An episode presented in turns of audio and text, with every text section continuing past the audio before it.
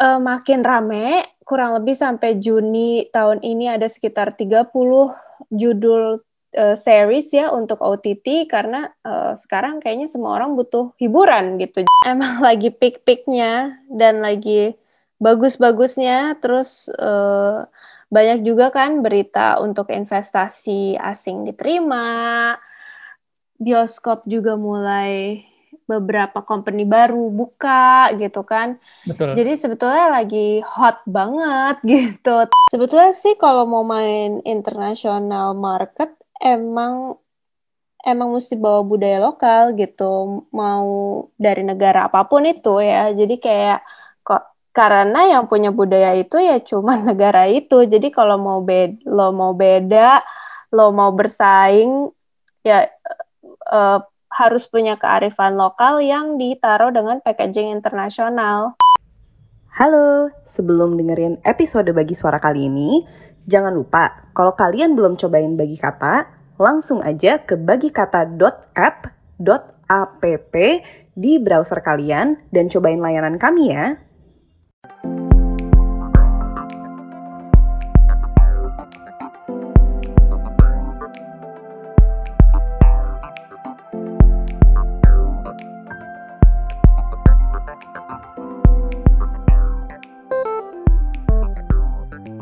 Suara. Bagi Suara, hari ini kembali lagi sama gue Pit dan di sini gue nggak nge-host sendirian, ada Karisa di sini. Halo Karisa. Hai, hai teman Bagi Suara. Yes, di episode spesial hari ini untuk merayakan Hari Film Nasional yang jatuh pada tanggal 30 Maret. Nah, uh, 30 Maret ya, Bu. gue mau nyebut 30 Maret 2021. Enggak dong, 30 Maret. Dan bulan Maret itu adalah bulan film nasional. Kita kedatangan salah satu aktris yang sudah main di banyak film. Uh, ada siapa nih, Kar? Ada. Kita langsung sapa aja ya orangnya. Siap. Oke, halo Kak Asmara. Hai semuanya. Hai Bagi Suara. Hai, apa kabar nih Kak Asmara? Baik. Bisa dibilang baik. Aku sempat lihat di IG story-nya Kasmara beberapa hari lalu uh, kecelakaan ya sampai kakinya sakit. Kita doain semua biar cepat sembuh. Iya, terima kasih Amin. kecelakaan. Lagi syuting cuman uh, lagi fisioterapi jadi semoga uh, bisa kembali seperti sedia kala. Amin. Biar syutingnya lancar terus. Amin. Sebelumnya terima kasih banget udah mau datang ke Bagi Suara.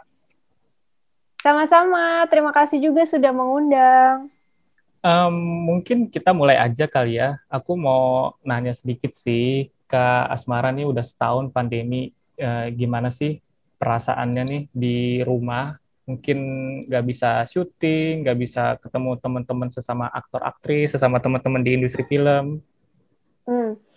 Uh, kebetulan kalau untuk perfilman sendiri, uh, rasanya kita lumayan beruntung ya. Mungkin tidak di segi bioskop atau uh, event dan premiere, cuman uh, untuk segi persyutingan kita tetap jalan dan mungkin di COVID-19 periode pertama yang dari uh, awal Maret sampai Juni itu memang memang semuanya mati ya bisa dibilang.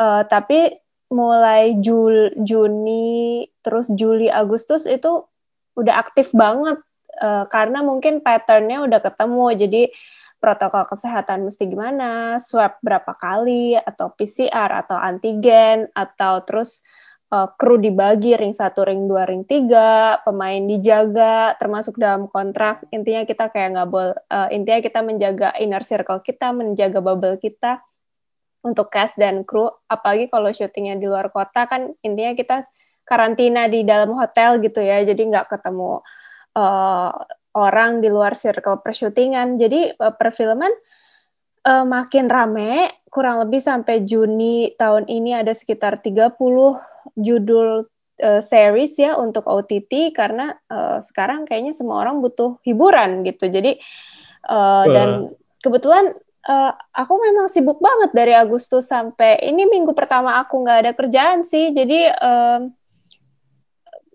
pandemi uh, mungkin merubah kebiasaan, tapi untuk pekerjaan tetap jalan. Malah sekarang kita punya pekerjaan online, banyak web biner dan pekerjaan digital lain yang berubah bentuk gitu ya. Tadinya event fisik, sekarang jadi event digital. Jadi kalau untuk kita kita tetap bekerja gitu dengan resiko yang berbeda tentunya, tapi semuanya tetap jalan. Oke, okay. that is very nice to hear actually. Aku tuh nggak pernah tahu apakah uh, syutingnya sudah mulai jalan lagi gitu. Udah Karena jalan yang... dari Juni tahun lalu.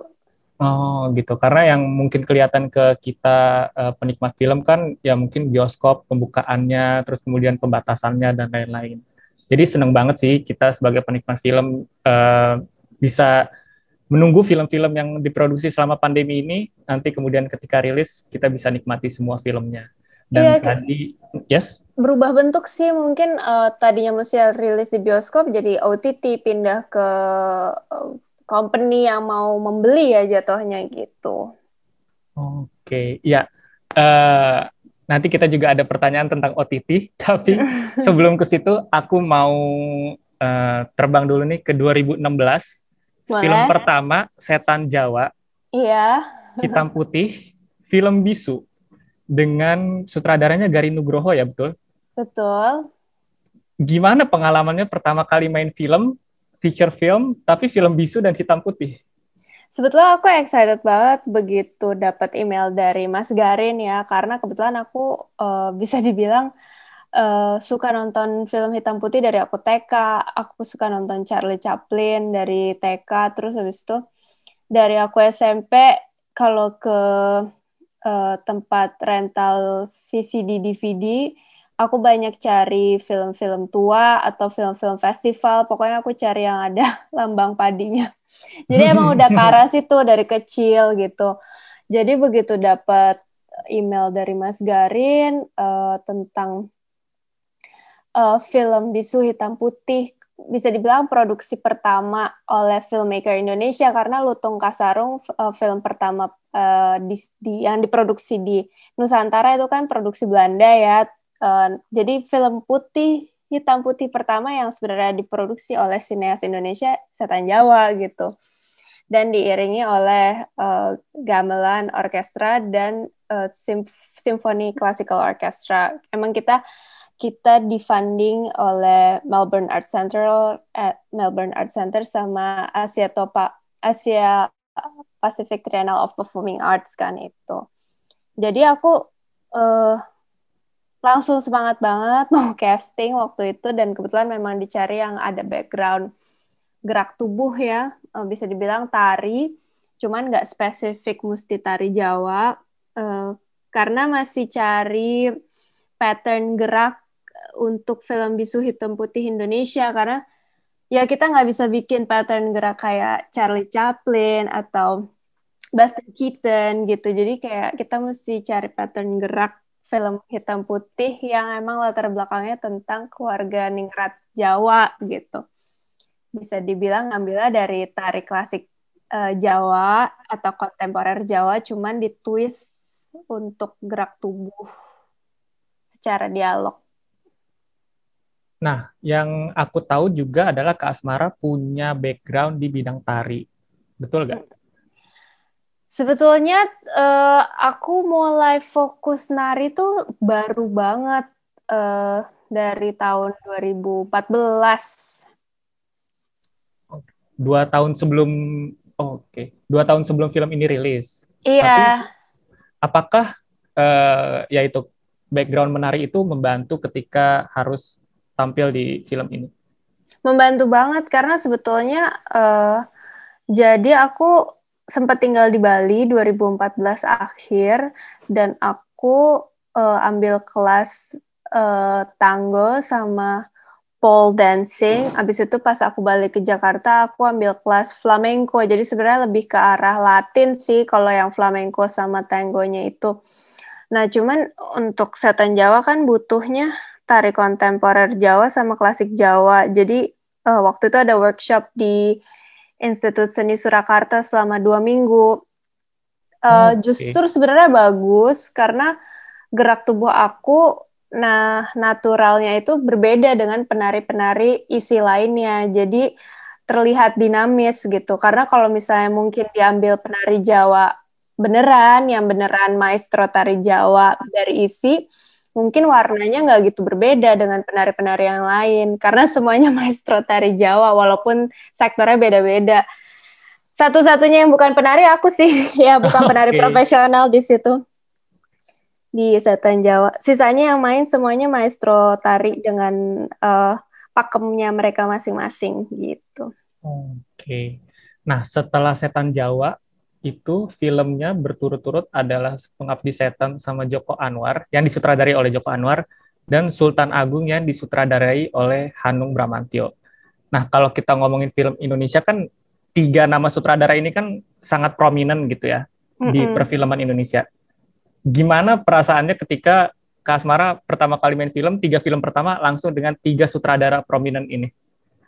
Kayaknya aku sebetulnya nggak, gimana ya, lebih ke bersyukur dan kayak ngerasa jodoh aja sih gitu, karena mungkin aku nasibnya bagus, beruntung ya secara takdir, tapi uh, tetap mesti di maintain dan tetap harus kerja keras, tetap uh, maksudnya ya di, menjalankan tugas sebaik mungkin karena kan udah dikasih kepercayaan. Dan di di Setan Jawa oke okay, itu film pertama aku dapat project um, ibaratnya project yang luar biasa lah ya sama Mas Garin karena itu juga project kita keliling dunia sampai sekarang mestinya masih ada festival yang mesti dikerjain cuman karena COVID terhambat. Oke. Okay.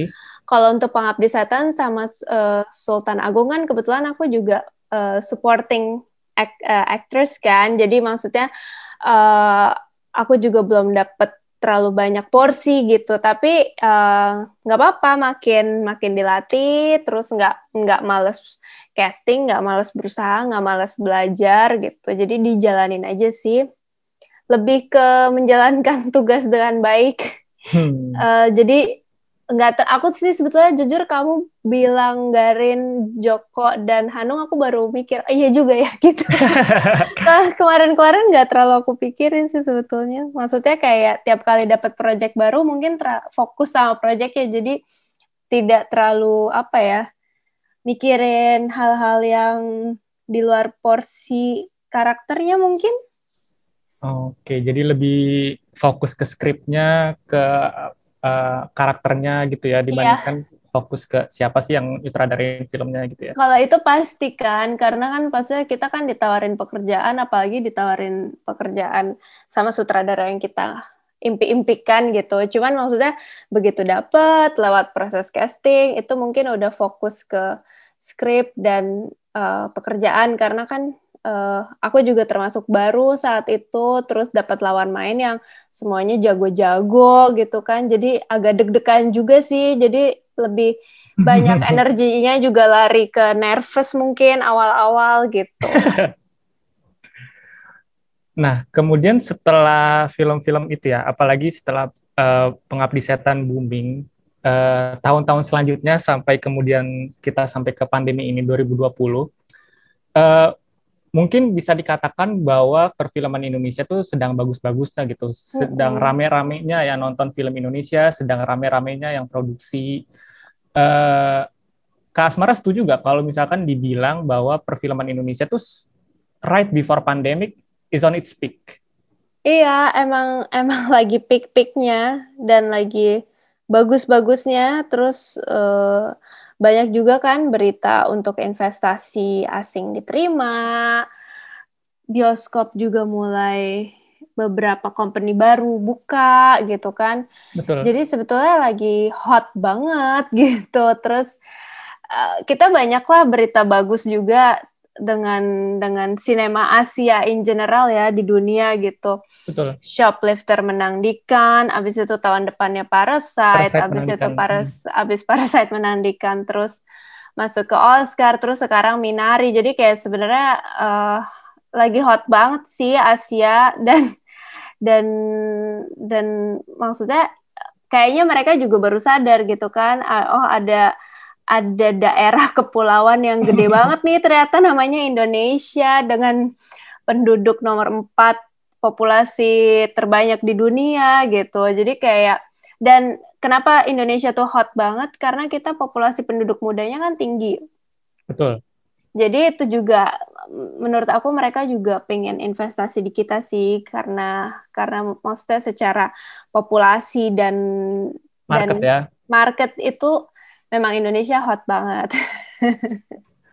nah, kalau kita ngomongin salah satu film yang hot banget dari Indonesia, kita nggak bisa melewatkan Perempuan Tanah Jahanam. yang mana Kak Asmara uh, main itu film tuh 2000 ya 2019 dan I think it's quite a phenomenon karena menang di FFI kemudian Bang Joko uh, ngabarin bahwa Perempuan Tanah Jahanam akhirnya hadir di platform streaming horor uh, Amerika namanya Shudder Iya, dia available di US, Kanada, sama UK. Sayangnya uh, aku sedang mencari platform yang di Eropa. Mudah-mudahan akan keluar secepatnya.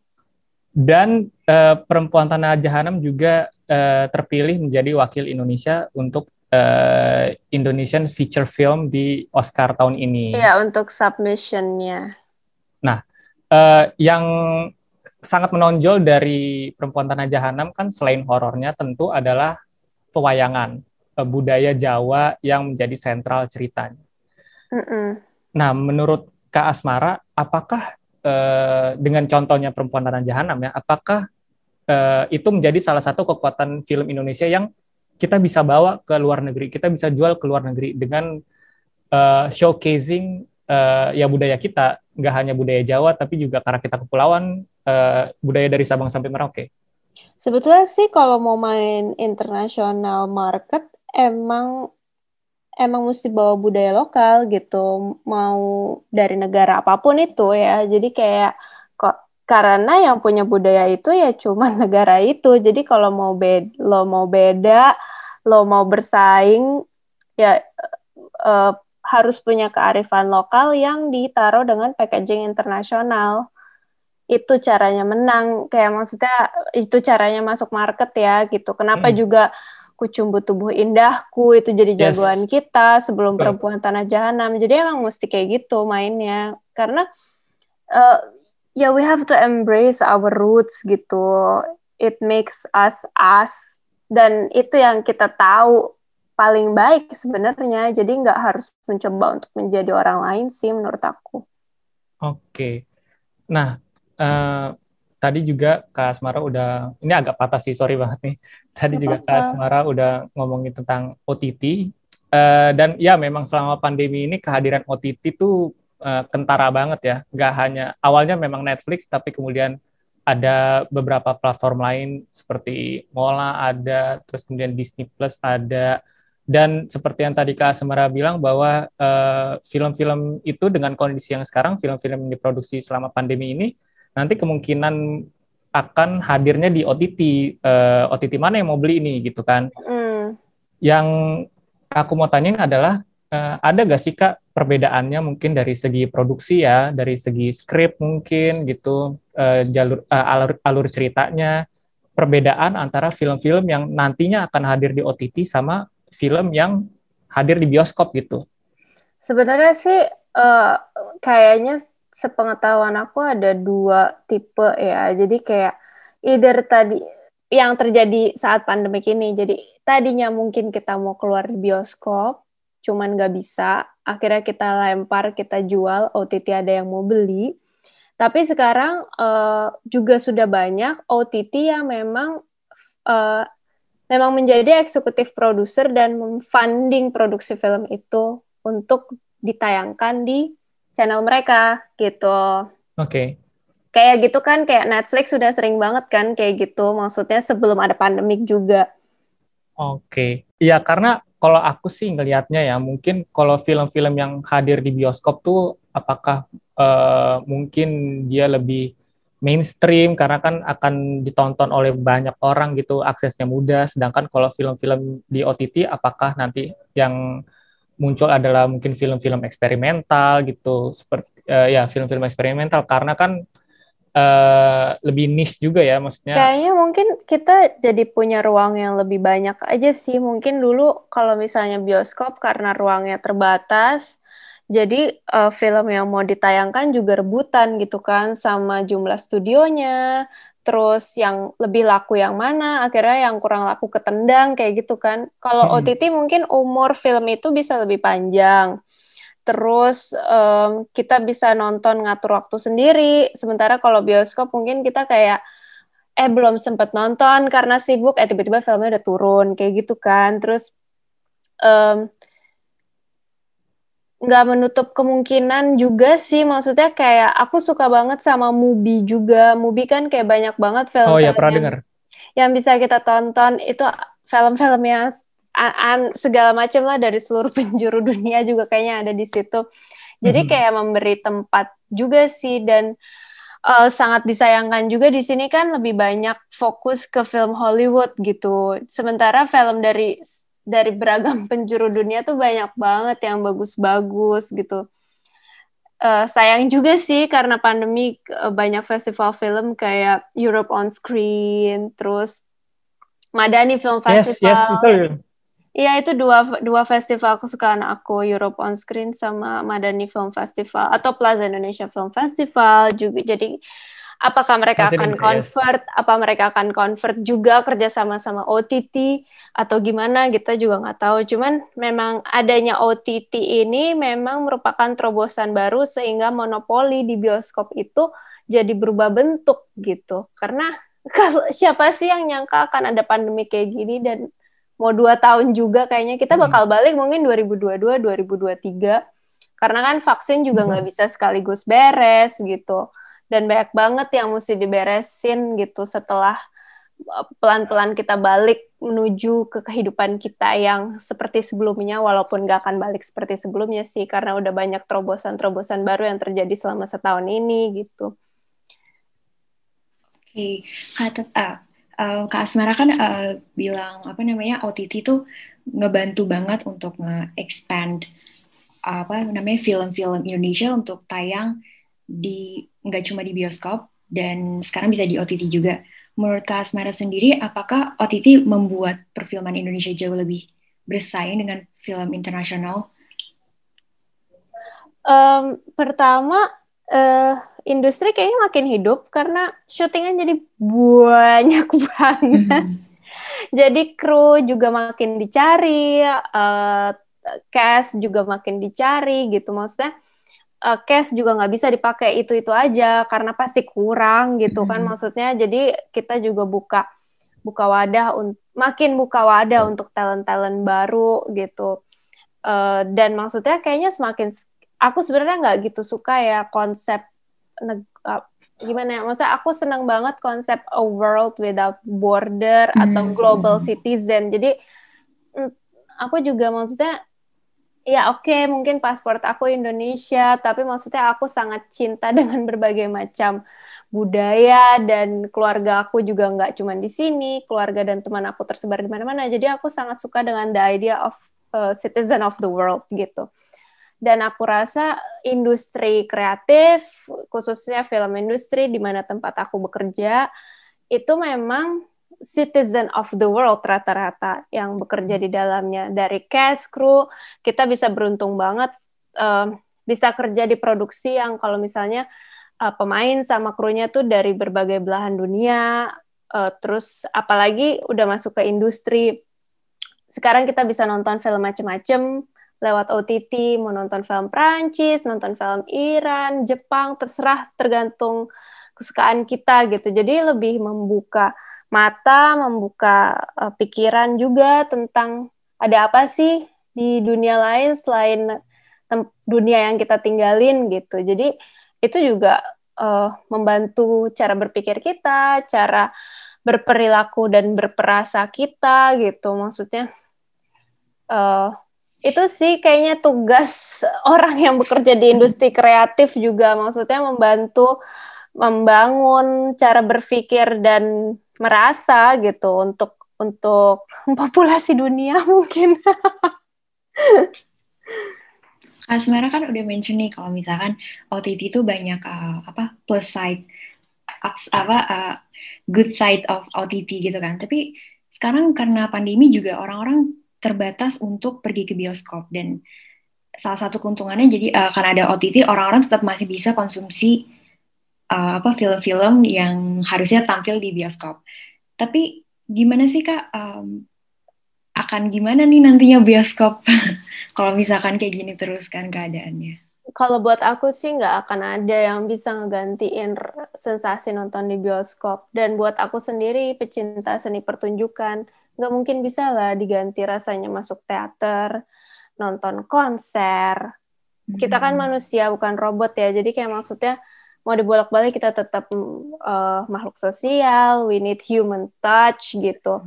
Dan punya kesempatan buat menikmati show yang menggunakan lima panca indera itu sesuatu yang nggak bisa digantikan gitu. Jadi mungkin uh, emang hidup kita berubah dengan adanya pandemi, tapi ya namanya manusia pasti adaptasi dan kalau seniman dengan apa pun kejadian yang terjadi di dunia mau perang apalah perang dunia pertama perang dunia kedua terus dan terserah terserah terserah gitu. Tapi itu malah membentuk seni baru seni baru seni baru dan periode baru periode baru periode baru gitu. Jadi um, ya ini kayak kita bakal juga masuk ke dalam sejarah kan situasi seperti ini gitu. Jadi kayak ya ini malah nge-push seniman buat membuat bentuk baru dalam berkesenian juga gitu dan aku sih berharap uh, bioskop dan pertunjukan live, mau performing arts, mau dia bentuknya konser, teater, atau uh, kunjungan fisik ke museum, semoga akan balik gitu. Dan kalaupun kita nggak punya waktu untuk datang secara fisik, kita punya solusi secara digital. Jadi keseimbangan antara fisik, dunia fisik dan dunia digital yang mesti diimbangi uh, gitu secara bijak. Pasti kalau dari Kak Asmara sendiri ada perbedaan gitu nggak sih kalau misalkan uh, syuting untuk OTT dan syuting untuk film di actingnya itu Kak Asmara ada cara yang beda atau tetap sama aja? Kebetulan aku baru punya project yang memang langsung diproduksi untuk OTT baru satu dan treatmentnya sama banget sama syuting film hmm. buat bioskop nggak ada bedanya sama sekali Uh, mungkin kalau yang untuk series agak beda, lebih santai, tapi mungkin itu tergantung bentuk seriesnya juga. Yang kebetulan buat series justru juga itu aku syuting di Italia waktu aku lagi kena hmm. lockdown. Itu juga uh, ide mendadak karena ya udahlah udah kena lockdown, kenapa nggak sekalian syuting aja. itu sutradaranya Prita Gitaria Negara. Dan kebetulan aku lockdown di Italia tahun lalu. Itu kan bareng Shadira. Uh, Shadira kan kebetulan kamera uh, uh, asisten kamera satu. Jadi dia uh, bis, mm-hmm. dia dia pegang kamera juga. Jadi kebetulan ke lockdownnya sama anak kamera. Jadi kita bisa syuting pengalaman banget dong ya itu syuting selama lockdown Iya, yeah. tapi kebetulan di uh-huh. Italia itu kita syutingnya Mei minggu pertama apa kedua ya minggu kedua ketiga apa ya jadi udah boleh keluar rumah oh. jadi udah fase dua kita jadi udah boleh keluar rumah jadi bisa syuting di luar oh oke okay. jadi nggak kirain cuma di apa uh, di ruangan satu ruangan aja gitu. Enggak jadi Italia lockdownnya tuh dari Maret sampai minggu pertama Mei. Nah habis itu pas pas kita udah memutuskan untuk syuting itu udah dibuka jadi kita udah bisa keluar.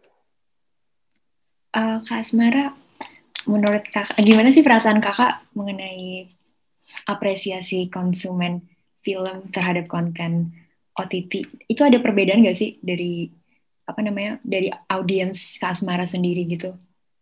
Mungkin uh, kalau yang aku alamin sih waktu mudik itu empat hari mudik tayang di Mola itu langsung hmm. ada bajakannya. Jadi kayaknya hmm. karena adanya OTT lebih mudah dibajak. Walaupun di bioskop juga gampang di, ada aja sih yang ngebajak yeah. walaupun keluar di bioskop.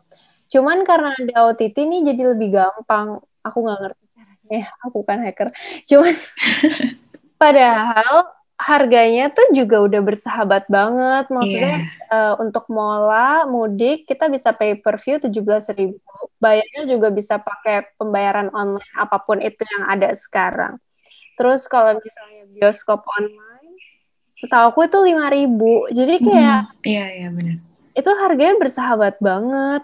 Kenapa? Terus orang, aku nggak ngerti ya, maksudnya banyak banget senang ngebajak gitu kan. Kayak nggak um, ngerti kenapa kayak, uh, karena aku juga nggak tahu ya maksudnya kayak pemerintah juga uh, mungkin peraturannya tidak cukup jelas atau gimana ya karena kalau misalnya kayak di Perancis gitu kalau misalnya kita buka situs bajakan langsung kayak dapat email gitu teguran kalau kalau nggak kalau misalnya kita tetap tetap membuka, yang kedua atau ketiga kali bakal kena denda gitu. Jadi kayak maksudnya ya tindak kriminal. Kalau misalkan uh, ada pembajakan gitu biasanya prosesnya dari tim produksi itu bakal ngelaporin ke pemerintah gitu nggak? iya, tapi kan oh kita ya. kan maksudnya kamu bayangin PH mesti merangin berapa situs pembajak sih ah. kayak keluar satu dilaporin keluar seratus gitu. kalau misalnya yang aku tahu, kalau kayak di Perancis atau di Italia yang aku tahu, itu kan hmm. pemerintah yang yang menghubungi si pengguna bajakan itu. Jadi begitu okay. kita akses websitenya langsung dapat peringatan malah mungkin duitnya langsung hilang kali dari bank langsung kena denda. Jadi kayak oh ya langsung bisa ya? Setahu aku sih kayak gitu ya. Jadi kayak maksudnya ya orang nggak berani lah. Mm-hmm. ya mendingan bayar tujuh belas ribu apa lima ribu. Iya bener banget. Wah, berarti emang emang harus dari atas ya dari atasnya itu yang benar-benar tegas. Iya karena tegas, gitu. maksudnya kasihan banget PH udah bikin shoot udah syuting capek, kru amaknya sudah mau mau setengah mati kan, tahu sendiri jam kerja perfilman Indonesia di sini. Terus mesti mesti merangin website-website bajakan sendiri nggak bisa. Terus kan kayak ngelaporin bayar lawyer apa segala macam tuh kan butuh usaha dan dana yang nggak nggak sedikit gitu. Teman-teman bagi suara tuh dengerin kalau misalkan bisa tiap hari beli Starbucks, kenapa nggak nonton? Berarti bayar juga itu kan. Asli. Nah, uh, setelah kita ngomongin perfilman Indonesia, bioskop dan OTT, aku pengen deep down ke personal kakak sih, kayak perspektif kakak sebagai seorang uh, selain aktris juga uh, punya beban, punya beban sebagai role model, public figure.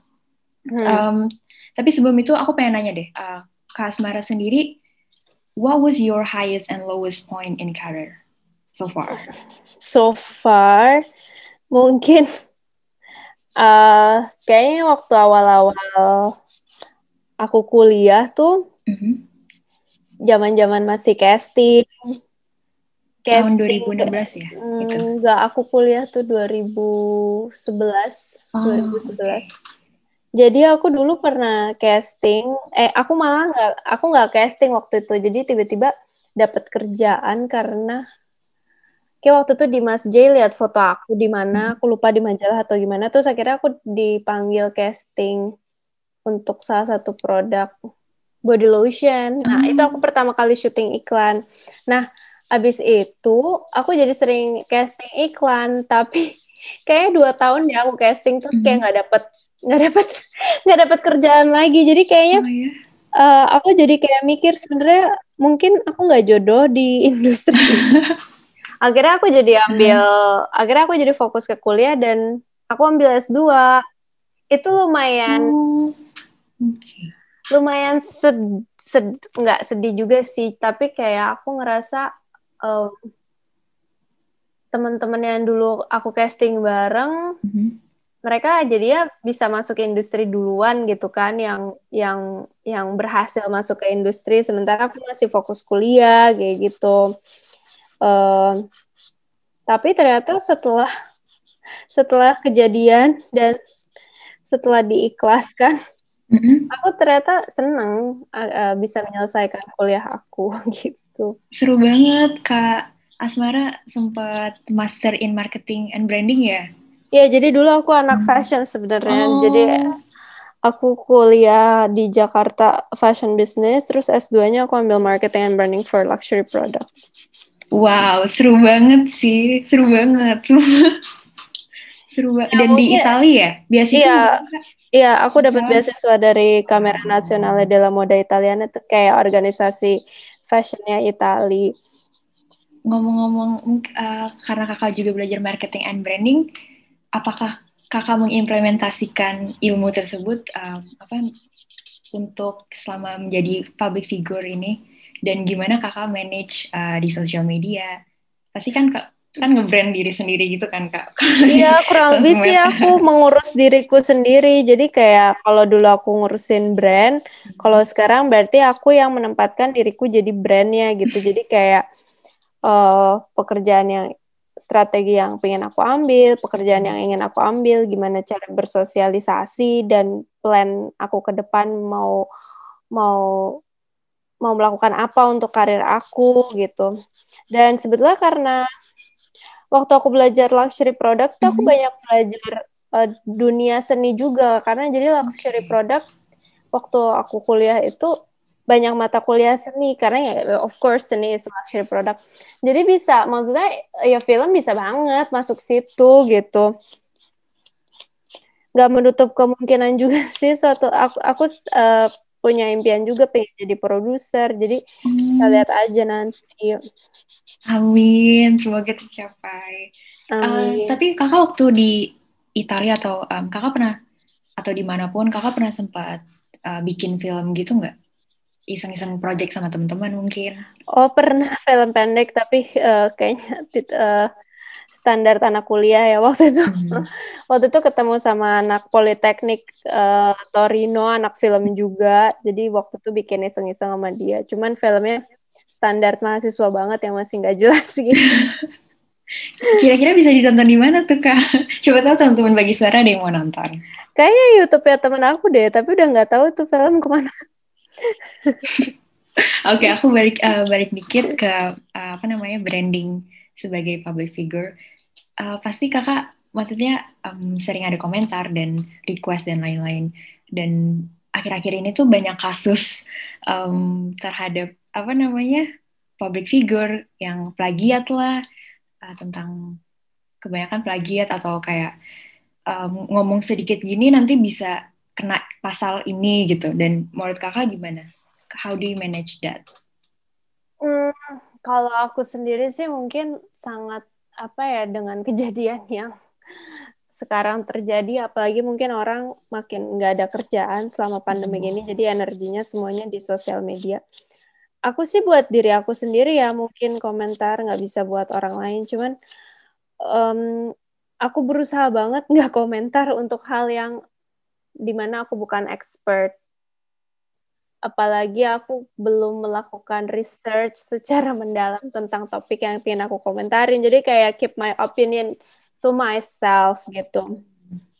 Kalau misalnya aku ada hubungan sama pekerjaan uh, itu baru bisa dikomunikasikan dengan strategi yang mau kita pakai dengan opini yang akan dikeluarkan sesuai dengan protokol yang berlaku gitu.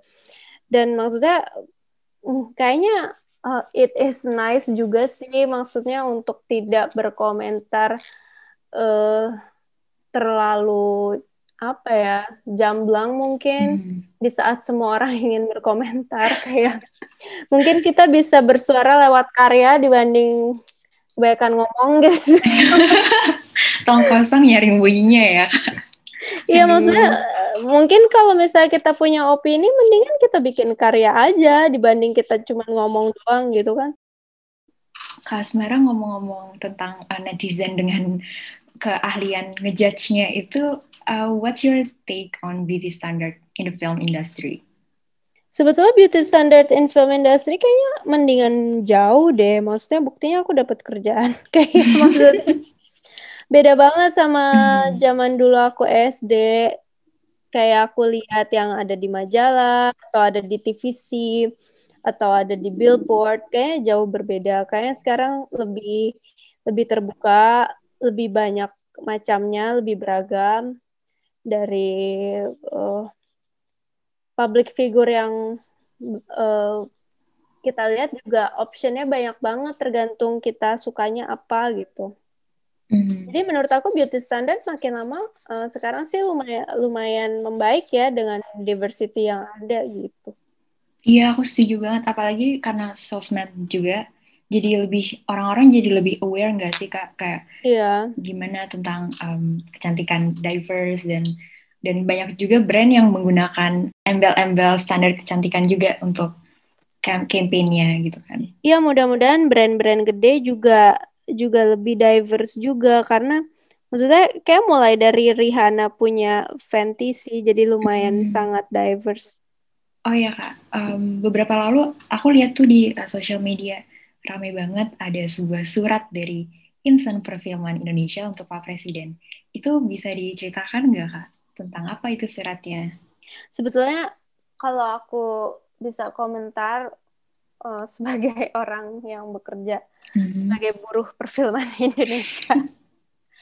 uh, Sebenarnya uh, intinya kita kita semua kan yang sekarang sedang uh, mengalami kesulitan di tengah pandemi ini kan intinya kita butuh bantuan ya. Jadi kayak kita mau tetap bekerja, kita mau tetap berkarya, apalagi aku rasa untuk industri hiburan sangat dibutuhkan sekarang gitu kan. Ya orang mau ngapain lagi selain mencari hiburan sekarang. Lebih diminta dimudahkan uh, secara proses gitu kan. Kita karena kita udah udah sulit banget nih untuk untuk ngumpulin funding untuk produksi dan lain-lain mengorbankan uh, apa ya ibaratnya kan kita kita tetap syuting dengan kru dan cast yang nggak banyak gitu.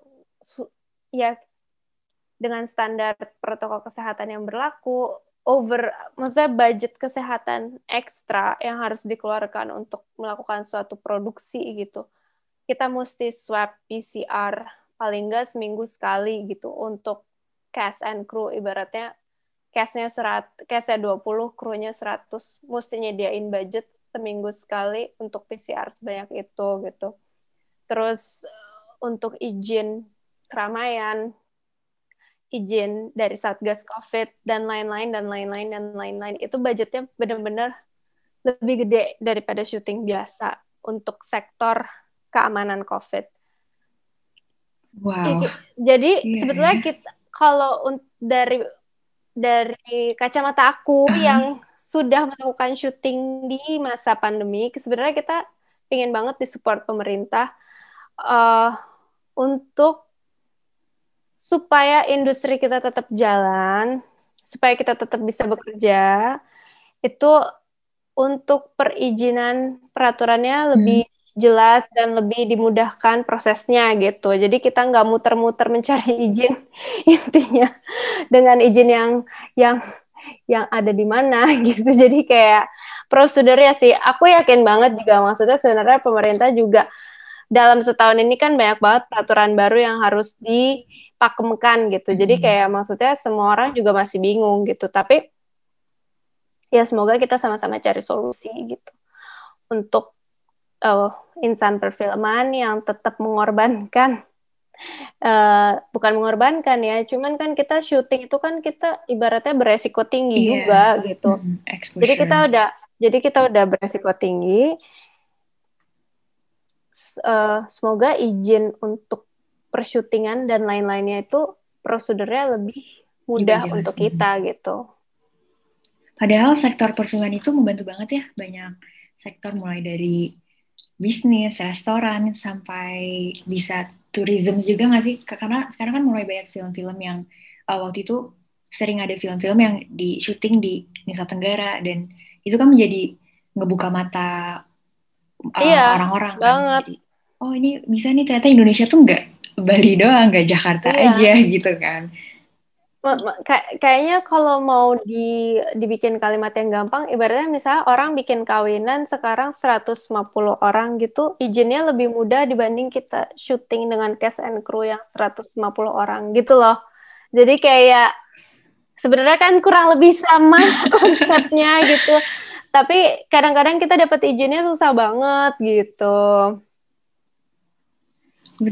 Walaupun oh, tetap iya. ada solusinya Indian tetap ada solusinya tapi uh, uh, agak sulit ya prosesnya itu mungkin terlihat berbeda kali ya cuman karena ada peralatan-peralatan jadi kayaknya lebih banyak gitu.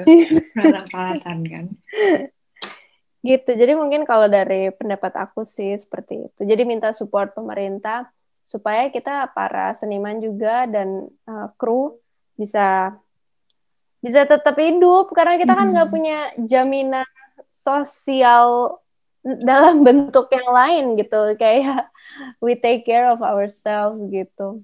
Amin semoga semoga membaik perfilman Indonesia dan semoga pemerintah mau lebih ngasih kemudahan ya untuk memberikan izin. Uh, ini pertanyaan terakhir Kak Asmara. Apa sih ritual yang selalu kakak lakukan saat tahap preproduksi dan maupun uh, produksi film sendiri? Pasti ada dong kayak persiapan untuk um, mendalami karakter dan reading dan lain-lain gitu. Kalau yeah. dari kakak sendiri gimana? Pasti research tentang um, dari karakternya, terus film-film uh, sebelumnya yang di diproduksi oleh terus sutradara tersebut atau uh, scriptwriter tersebut gitu uh, mengenal meng, kalau bisa mengenal lebih dalam secara pribadi dan punya chemistry yang lebih baik dengan sineas atau sutradara atau uh, scriptwriter atau produser itu lebih baik. Karena maksudnya menurut aku kerjasama yang terjalin antar cast and crew dalam satu produksi itu memperkuat uh, emosi dan chemistry banget. Apalagi sama lawan main gitu kan. Um, yang pasti reading kita pasti kita pasti akan sibuk banget reading antar pemain bersama dengan sutradara yang kece biasanya selalu hadir saat reading pasti. Setiap reading pasti.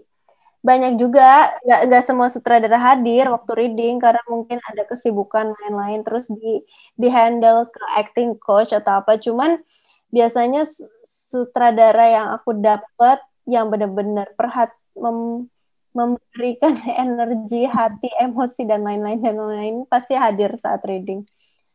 Uh, terus kalau aku sih sebetulnya nggak gitu suka saat produksi nggak gitu suka ada orang lain dalam kehidupan pribadi aku. Jadi maksudnya hmm. uh, kalau pulang aku pasti masuk kamar, mengisolasi hmm. diri. Jadi aku nggak gitu suka ketemu orang rumah gitu.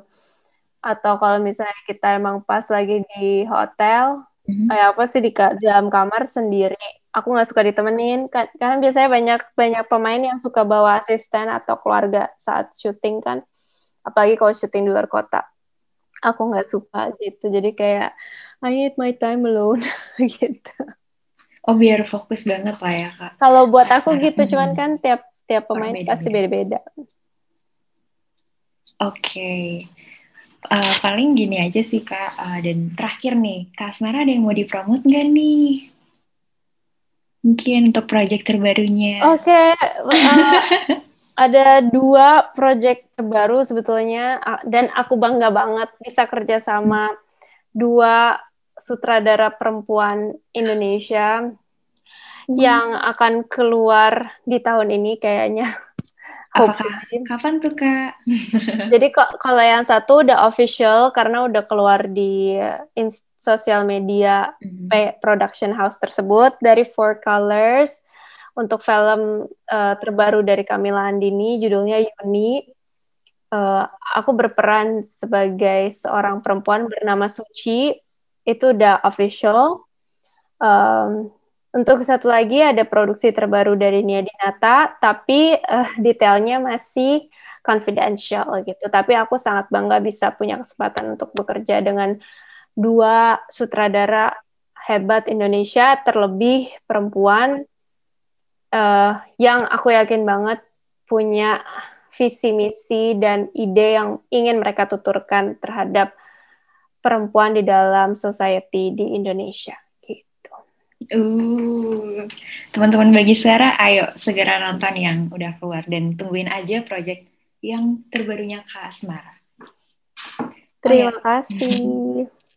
Terima kasih sekali Kak Asmara telah meluangkan waktunya mau ngobrol-ngobrol santai sama aku dan Pit dan tim bagi suara. Dan kami sangat senang banget bisa ngobrol-ngobrol. Dan untuk teman-teman bagi suara jangan lupa untuk follow Instagram dan Twitter at bagi suara. Dan jangan lupa juga untuk follow Kak Asmara Abigail di Instagram. Dan- Thank you. dan jangan lupa juga untuk selalu tonton-tonton terus uh, film-film yang Kak Asmara mainkan. Terima kasih.